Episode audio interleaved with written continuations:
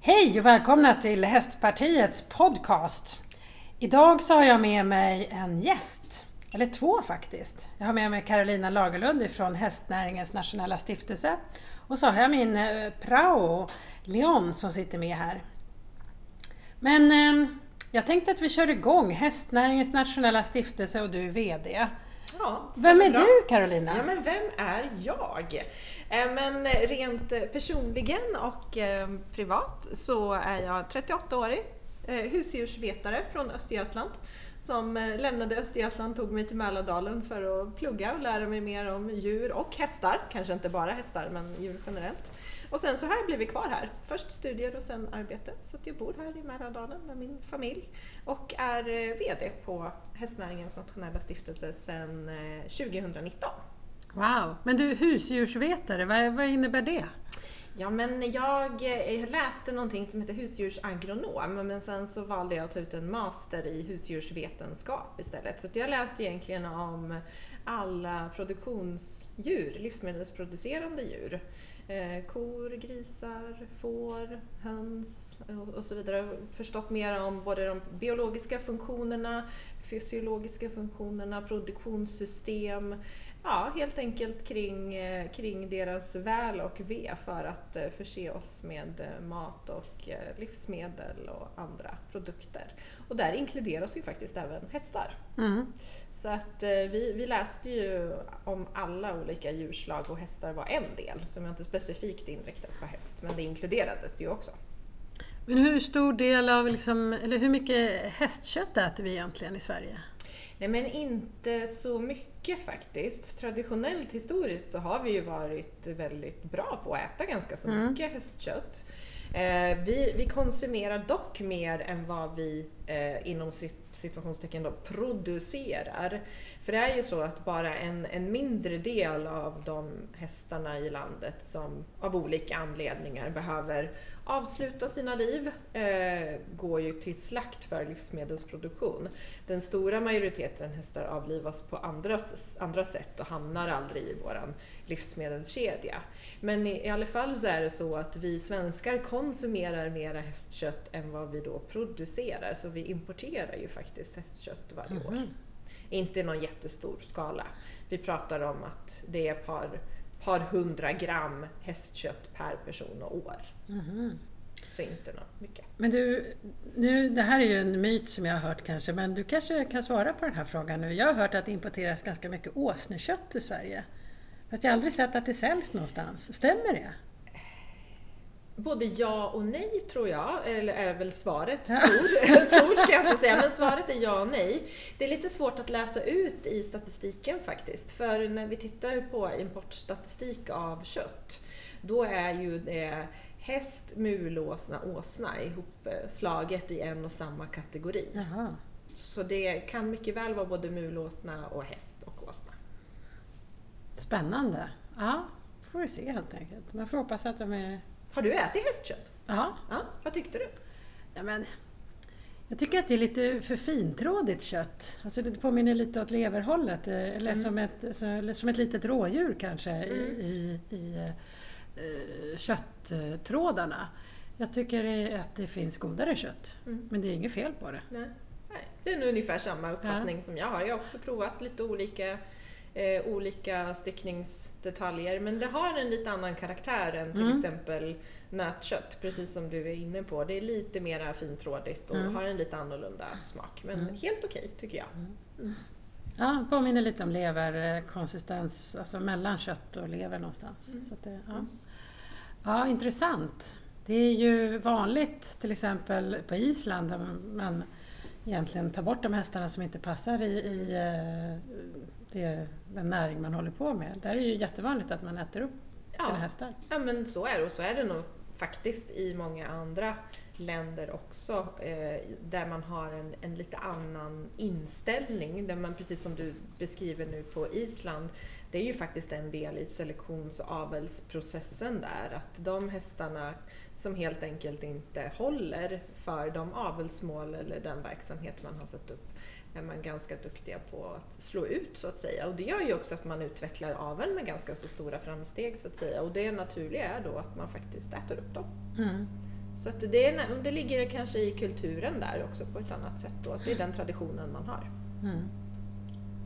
Nu börjar det något element eller något som börjar låta här inne men eh, jag tror att ja. vi får ha det med oss helt ja. enkelt. Det är inte så jag, tror vi, jag tror vi klarar det men det är något litet bussande ljud här i bakgrunden som kom. Det är någon som avlyssnar oss. ja, det kanske är så. men det här med hästar då, har du någon häst? Nej men jag har ingen häst idag, tråkigt Nej. nog faktiskt. Men eh, jag har haft många egna hästar genom åren tidigare. Men jag hinner faktiskt inte idag. Nej. Eh, jättetråkigt. Mm. Jag eh, avlivade min eh, senaste egna häst för lite drygt tio år sedan. Så efter det har jag inte haft en egen så att säga. Men jag har ju fortsatt hästar i mitt liv på olika mm. sätt. Jag har vänner, gamla vänner som har hästar som jag passar på att åka och hälsa på, och rida och hjälpa till och, och så vidare. Eh, så jag har haft lite olika hästar, jag är inte inriktad på någon särskild gren eh, utan jag har haft både kallblod och halvblod och tidigare när jag var yngre så red jag olika ponnyraser och så vidare. Eh, men i huvudsak är det ju ridning som jag har varit engagerad och uppskattar så att säga, men även till viss del brukskörning och tömkörning och sportkörning. Ehm, så, så att jag har haft lite blandade raser, och, men mycket unghästar. Jag gillar mm. unghästar mm. och vara en del i utbildningen och det här. Eh, man, det händer så mycket när man mm. håller på med unghästar. Verkligen, då får man eh, vara mm, på hugget. Ja. Du då Alexandra, vad har du? Har du hästar? Ja, men jag har ju två stycken. Eh, varav den ena, våra travsto, henne har vi lämnat bort på foder. Och eh, så har vi köpt en eh, PRE Wallach, mm. dressyrhäst. Jätteduktig, skolad, eh, piaff och passage och hela balletten. Så min dotter håller på att eh, tävla nu i dressyr. Mm. Precis börjat, så vi har bara varit på tre tävlingar. Mm så är med att åka på tävling och få med sig allting. Och, ja, vi lite... Skriva lång packningslista och checka av. Men jag tänker, hur hinner, hur hinner du där? Jag säger att jag inte hinner, men jag tänker du måste ju ha otroligt mycket att, att göra. Ja, men Johanna är ju 17 så hon kan ju vara i stallet mycket själv. Mm. Och så, ja, jag får ju rycka in när det behövs. Mm. Och uh, man har ju fördelen som politiker att Eh, man kan styra ganska mycket över sin tid, om man ska vara på kontoret eller inte. Mm. Inte minst nu när det är coronatider och man ska jobba mycket hemma. Då kan man åka till stallet på lunchen. Eh, så att eh, det är ju en enorm fördel. Men annars, det är ju tricks och fix. Det är ju som ja. bara ytterligare en grej i livspusslet. Exakt. På tal om coronaeffekter så ser vi ju faktiskt det på efterfrågan av hästar. Eh, att, eh, jag tror att precis som du är inne på där, att just i dessa tider som vi befinner oss idag så har vi generellt lite flexiblare tillvaro till vardags ja. som gör att vi har lite mera tid att lägga på intressen och så vidare. Det har vi ju sett i lite media sådär att det har rapporterats om att det har sålts väldigt mycket hundar och mm. katter mm. också. Mm. Men även om vi inte har någon, någon fast eh, statistik att luta mig på så att säga så ser vi ju att det är stor efterfrågan på hästar. De hästarna som kommer ut på annons säljs väldigt snabbt och mm. också generellt till ganska så höga priser. Så det är verkligen tillgång efterfrågan eh, där så att säga. Så att jag tror att det är många som kanske har satsat på att eh, vårda sina intressen lite mera mm. under året. Mm. mm. Man får hoppas att det inte blir sommarhästar eller sommarhundar av det hela. Nej men verkligen, eller hur? Nej det vill vi inte, det vill vi inte veta av. Vi, vi, vi utgår ifrån att de blir bitna och är kvar. Ja men precis. Ja, men det handlar ju om att prioritera och, och försöka få ihop det. Och, och, ja, på många stall kan man ju köpa en del tjänster så att ja. Eh, man underlättar sin vardag. Ja men precis. Så får man jobba mer och tjäna mera pengar så man kan ha flera hästar. Men hörru du, du jobbar ju på Hästnäringens nationella stiftelse. Mm. Eh, kan du berätta lite, vad är det för någonting? Ja, vad är vi för någonting? Det är en väldigt vanlig fråga som jag får jag faktiskt. för att vi är nog inte, vi är inte den där kanske stora kända organisationen i Hästsverige. Vi är ju ingen medlemsorganisation till exempel, så vi har ju inga inga medlemmar direkt under oss. Men vi är en stiftelse, precis som namnet antyder. Och vi försöker ju kalla oss till vardags så kallar vi oss den här förkortningen HNS. Mm. Så vi slipper dra hela den här hästnäringens nationella stiftelse som, som blir långt. Men vi är en paraplyorganisation är nog det som bäst beskriver vår verksamhet. Vi jobbar för och med svensk hästnäring. Vi vill förbättra förutsättningarna för egentligen alla hästar och hästmänniskor. Eh, oavsett vilken typ av häst, vad du gör med din häst eh, och så vidare.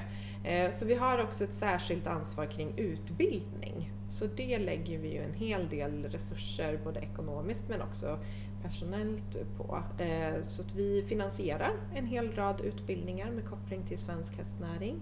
Eh, till exempel det hippologiska högskoleprogrammet där eh, Sveriges lantbruksuniversitet är huvudman. Mm. Så det står vi för 50 procent utav finansieringen och sen så står SLU för de andra 50 procenten. Mm. Och en treårig kandidatutbildning med tre olika inriktningar. Så det är inriktning ridhäst, islandshäst eller travhäst. Mm. Och den finns på våra tre riksanläggningar. Som gör då, då kommer vi in på en, ett annat ben i vårt ja. uppdrag. eh, och det är just att vi har ett organisatoriskt och ekonomiskt ansvar för drift och utveckling utav våra tre riksanläggningar. Och det är ju Flyinge eh, i Skåne, det är ridskolan Strömsholm utanför Västerås och så är det Vången som ligger i Jämtland utanför Östersund. Precis, i mina gamla hemtrakter. I dina gamla hemtrakter, ja. exakt. Det ligger i den svenska fjällvärlden och det är eh, travsporten och islandshästsportens riksanläggning medan både ridskolan Strömsholm och Flyinge har fullt fokus på ridsport. Just det. Mm. Mm. Och på de här anläggningarna finns ju även en rad andra utbildningar som förser vår bransch med kompetent personal. Vi har bland annat hovslagarutbildning på alla tre anläggningarna. Vi utbildar beridare och unghästutbildare med koppling till ridsport. Eh, det finns eh, brukshästkuskutbildning på Vången. Det är ju en ett område som vi faktiskt ser en ganska så stor, stark ökad efterfrågan på just samhällsnära tjänster med koppling till hästen. Mm. Eh, och då är det också viktigt att det finns kompetenta entreprenörer som har en gedigen hästkunskap och kunskap om att köra häst på olika sätt eh, som kan förse den efterfrågan. Men vem kan gå de här kurserna då? Alltså, kostar det pengar eller kan man söka CSN? Eller? Ja, men generellt egentligen i princip alla utbildningar på riksanläggningarna. Det finns ju från både från gymnasiet upp till högskolenivå. Okay. Och gymnasiet söker man ju som att du söker ett annat gymnasium ah, ja. säga. Mm. Eh, sen har ju en del utav dem riksrekrytering så med internat och så, så då mm. får man bo på anläggningen. Men det är lite olika beroende på vilken inriktning man söker och så vidare. Men eh, de andra, i högskoleprogrammet, det söker du precis som ett vanligt högskoleprogram och blir du beviljad så kan du också få CSN-medel. Mm. Eh, och till exempel då hovslagarutbildning och kuskutbildning och det, de andra som jag nämnde, det är ju inom ramen för yrkeshögskolan. Eh, och de utbildningarna är ju också CSN-berättigade. Mm. Så att du kan utbilda dig och som vilken annan typ av skola som helst. Ja, alltså. exakt. Ja, det är ju fantastiskt. Ja, eller hur? Har, fast du har häst på schemat ja. i princip varje dag. Man kanske ska skola om sig. Ja, kanske. Jag har tänkt tanken flera gånger också. För även om jag jobbar med häst varje dag, ja. allting som vi gör har ju någon koppling till hästar mm. eftersom att vi jobbar med den svenska hästnäringen. Ehm, så allting utgår ju från hästen men det är ju inte det praktiska kring Nej. hästen så jag träffar ju nästan aldrig hästar, hästar. i vardagen. Nej. Jag gissar att du som har häst, du träffar nog mera hästar än vad jag gör. Faktiskt. Mm. Mm. Och det kan man sakna ibland. Ni kanske skulle ha en liten kontorspodd nu? Ja, faktiskt. kanske. Vi, vi satt vi hade länge kontor på Solvalla tillsammans med ATG ja. och Svensk Travsport och Svenska Lopp. Och då, på Solvalla så finns en travskola. Så då ja. kunde man gå dit och klappa eh, ja. på hästarna lite då och då. Men eh, nu sedan någon månad tillbaka så är vi inhyrda hos LRF här på Kungsholmen. Så att eh, då har vi inte häst riktigt så nära då. Men vi försöker däremot komma ut i och besöka olika olika verksamheter, göra studiebesök mm. eh, i ute i vardagen så att säga, så mycket som vi bara kan. Eh, så att eh, det är verkligen någonting som vi ser till. Vi kan inte göra allting från en kontorsstol Nej. utan det gäller att ha den här verklighetsanknytningen hela tiden för att skapa en förståelse för de frågorna som vi jobbar med också. Så Vad att- gör ni för studiebesök då? Ja, men eh, det senaste som eh, jag också beskrev här eh, när vi käkade lunch Ja. lite tidigare så var vi hos en av Sveriges stora hingsthållare på den nordsvenska brukshästsidan. ja, så Eh, vackra. Ja, och besökte en, en flock med omkring 20-25 ston med en hingst på ett 23 hektar stort bete här i Mm, somras. mm. Och sen så fick vi också se verksamhet med just då brukshästkörning och, och så vidare och fick testa på och Mm. lära oss om, om den typen av verksamhet och, och så vidare. Eh, och sen så har vi också varit på hos islandshästverksamheter, vi är ju ute på våra anläggningar, vi är ute på ridskolor, vi har varit ute på travskolor. Mm. Och, så, men vi försöker verkligen se oss omkring så, så mycket som, så mycket som Mm, möjligt. Mm. Mm. Det var roligt. Ja, men det är roligt. Och de dagarna, det är då jobbet känns vet, sådär, lite extra Ja, förstår. härligt. Ja. Men du är ju VD, vad innebär det liksom att vara VD? Ja, jag är ju jag, men jag är ytterst ansvarig för all verksamhet som ryms under vårt paraply. Mm. Jag är såklart inte själv, jag har ju några medarbetare till hjälp på, på mitt kansli så över dem har jag ju ett chefsansvar precis som Mm. vilken annan chef som helst. Ett arbetsgivaransvar att guida dem och hjälpa dem i deras olika, olika projekt Mm. och områden Mm. som de jobbar med. Eh, och sen eh, rent formellt så är det ju så att eh, jag har till uppgift att, att verkställa de beslut och strategier som fastställs av min styrelse Mm. utifrån en strategiplan och det uppdraget som vi har i vår stiftelse Mm. Urkund. Så det är liksom helhetsansvaret för att verksamheten går i den riktningen som styrelsen har bestämt att den ska. Mm. Mm. Har det någon gång känts som att eh, du har fått ett uppdrag som du själv inte riktigt tycker att det kanske vore det bästa? Jag vet inte om jag skulle säga inte vore det bästa, men det är klart att en del frågor är ju otroligt svåra. Ja. som man inte direkt ser, eller som jag inte direkt har sett en lösning på.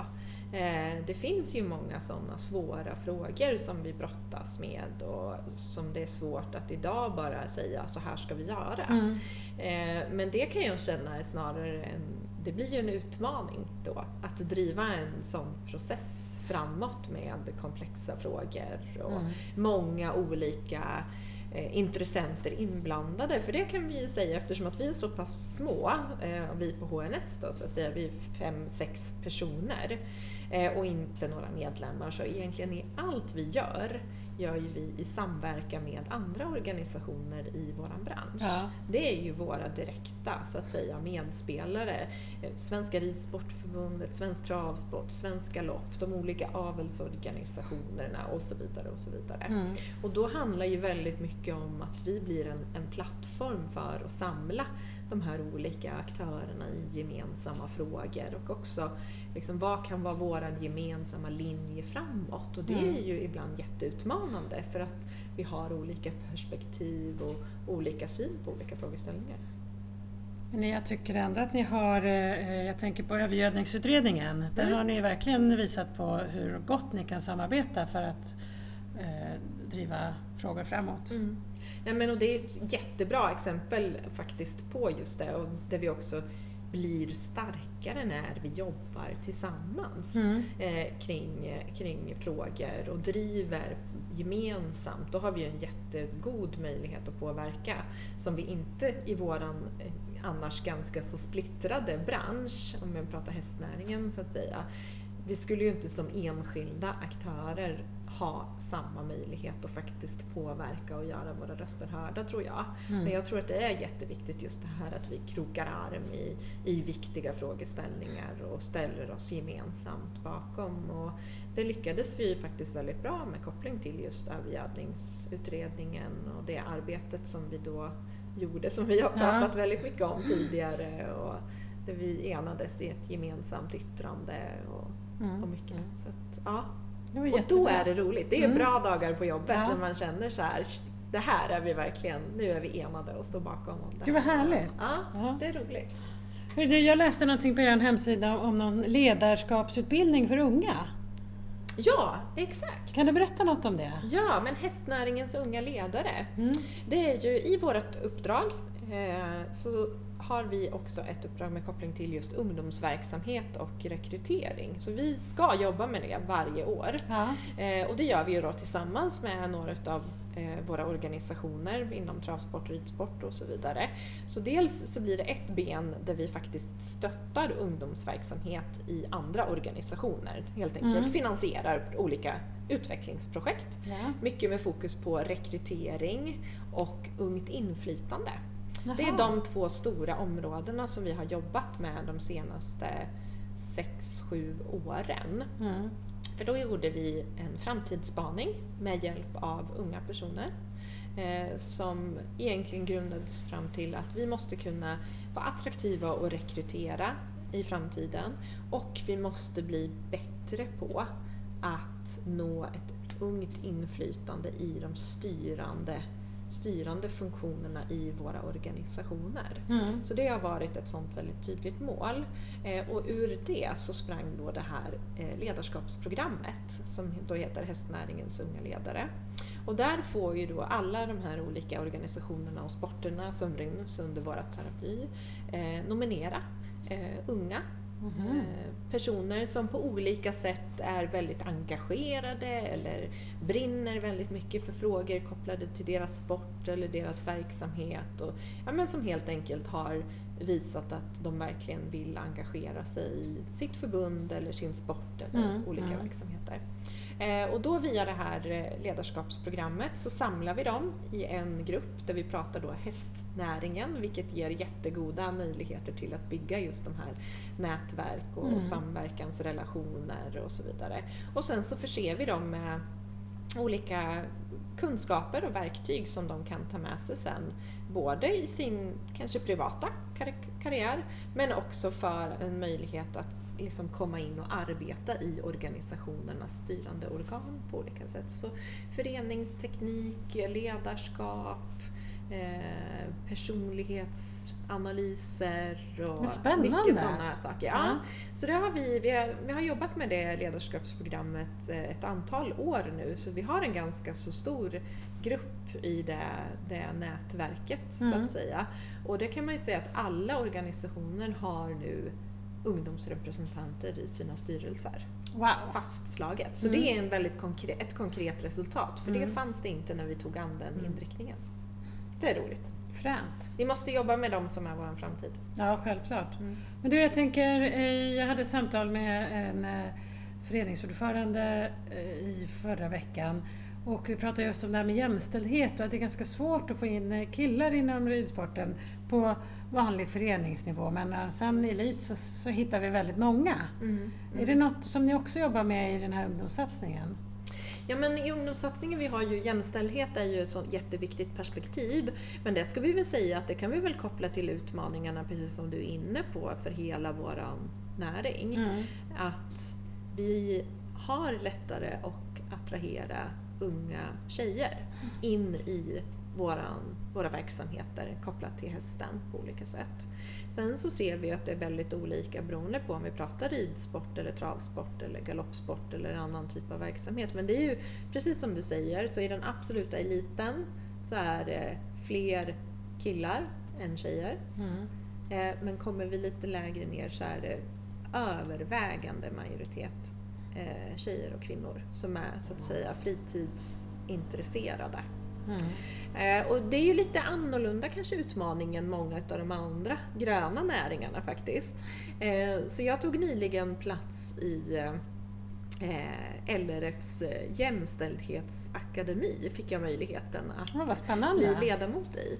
Eh, Och där tänker jag att där kommer jag ha möjlighet att ha lite erfarenhetsutbyte ifrån eh, andra delar av våra, liksom, det gröna Ja, perspektivet ja. och andra djurslag som kanske har ett helt, en helt annan utmaning där man vill locka in tjejer och kvinnor för man har övervägande majoriteten män. Mm, Men jag tror ändå att vi kanske kan ha ett väldigt gott utbyte där för det tror jag är en fråga vi måste jobba med. Vi måste Mm. försöka bli mera breda och inkluderande och kanske inte bara kopplat till kön utan faktiskt även inkluderande för annan bakgrund. Vi har inte jättemånga inom hästnäringen som har kanske en, inte svenska födda föräldrar till exempel. Mm, mm, sådana saker.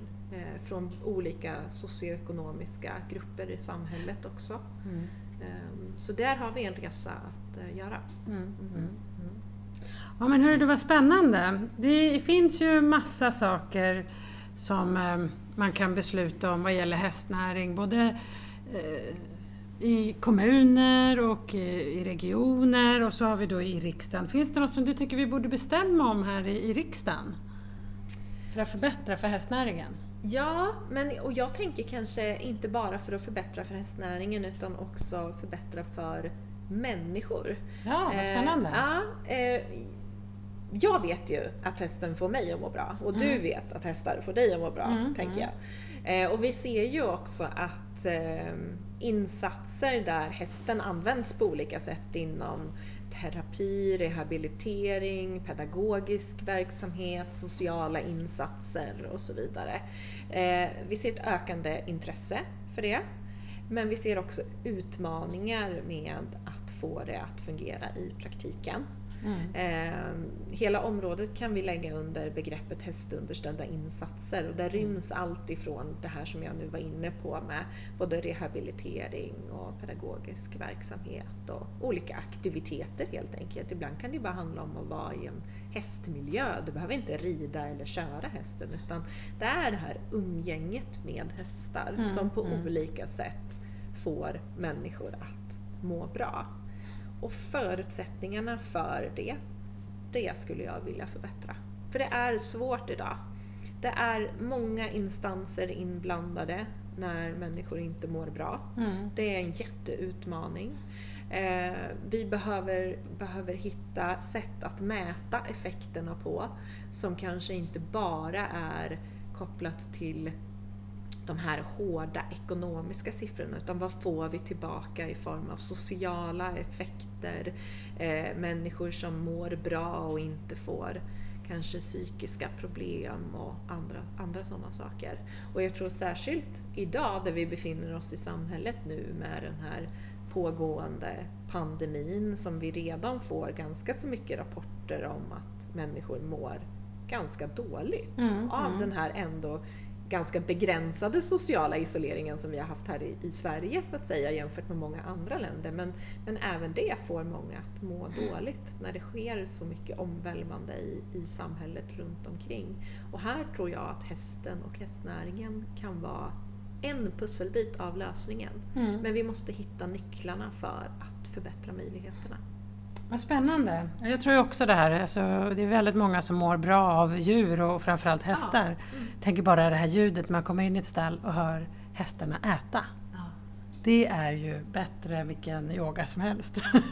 Vet, men innan, du ska gå, innan du går ifrån stallet på kvällen, jag kommer ihåg det när jag hade hästar regelbundet och det sista jag gjorde varje gång jag gick därifrån det var ju att se till att alla hade mat, Mm. så kanske man släckte några lampor och sen bara stå kvar där i lite halvmörker ett Mm. tag och bara lyssna på det här tuggandet. Så otroligt rogivande. Ja, verkligen. Ja, det är så underbart. Så det skulle man ju verkligen önska att fler hade möjlighet att få ta del av. Ja, verkligen. Mm. verkligen. Och det finns så många goda exempel Mm. där det fungerar på lokal nivå. Mm. Eh, men det blir svårt att hitta de här långsiktigt hållbara strukturerna utan det blir ofta beroende av att det är fantastiska eldsjälar Mm. som brinner för olika typer av verksamheter och har möjlighet att möjliggöra det i sin roll eller funktion och så vidare. Och det funkar jättebra.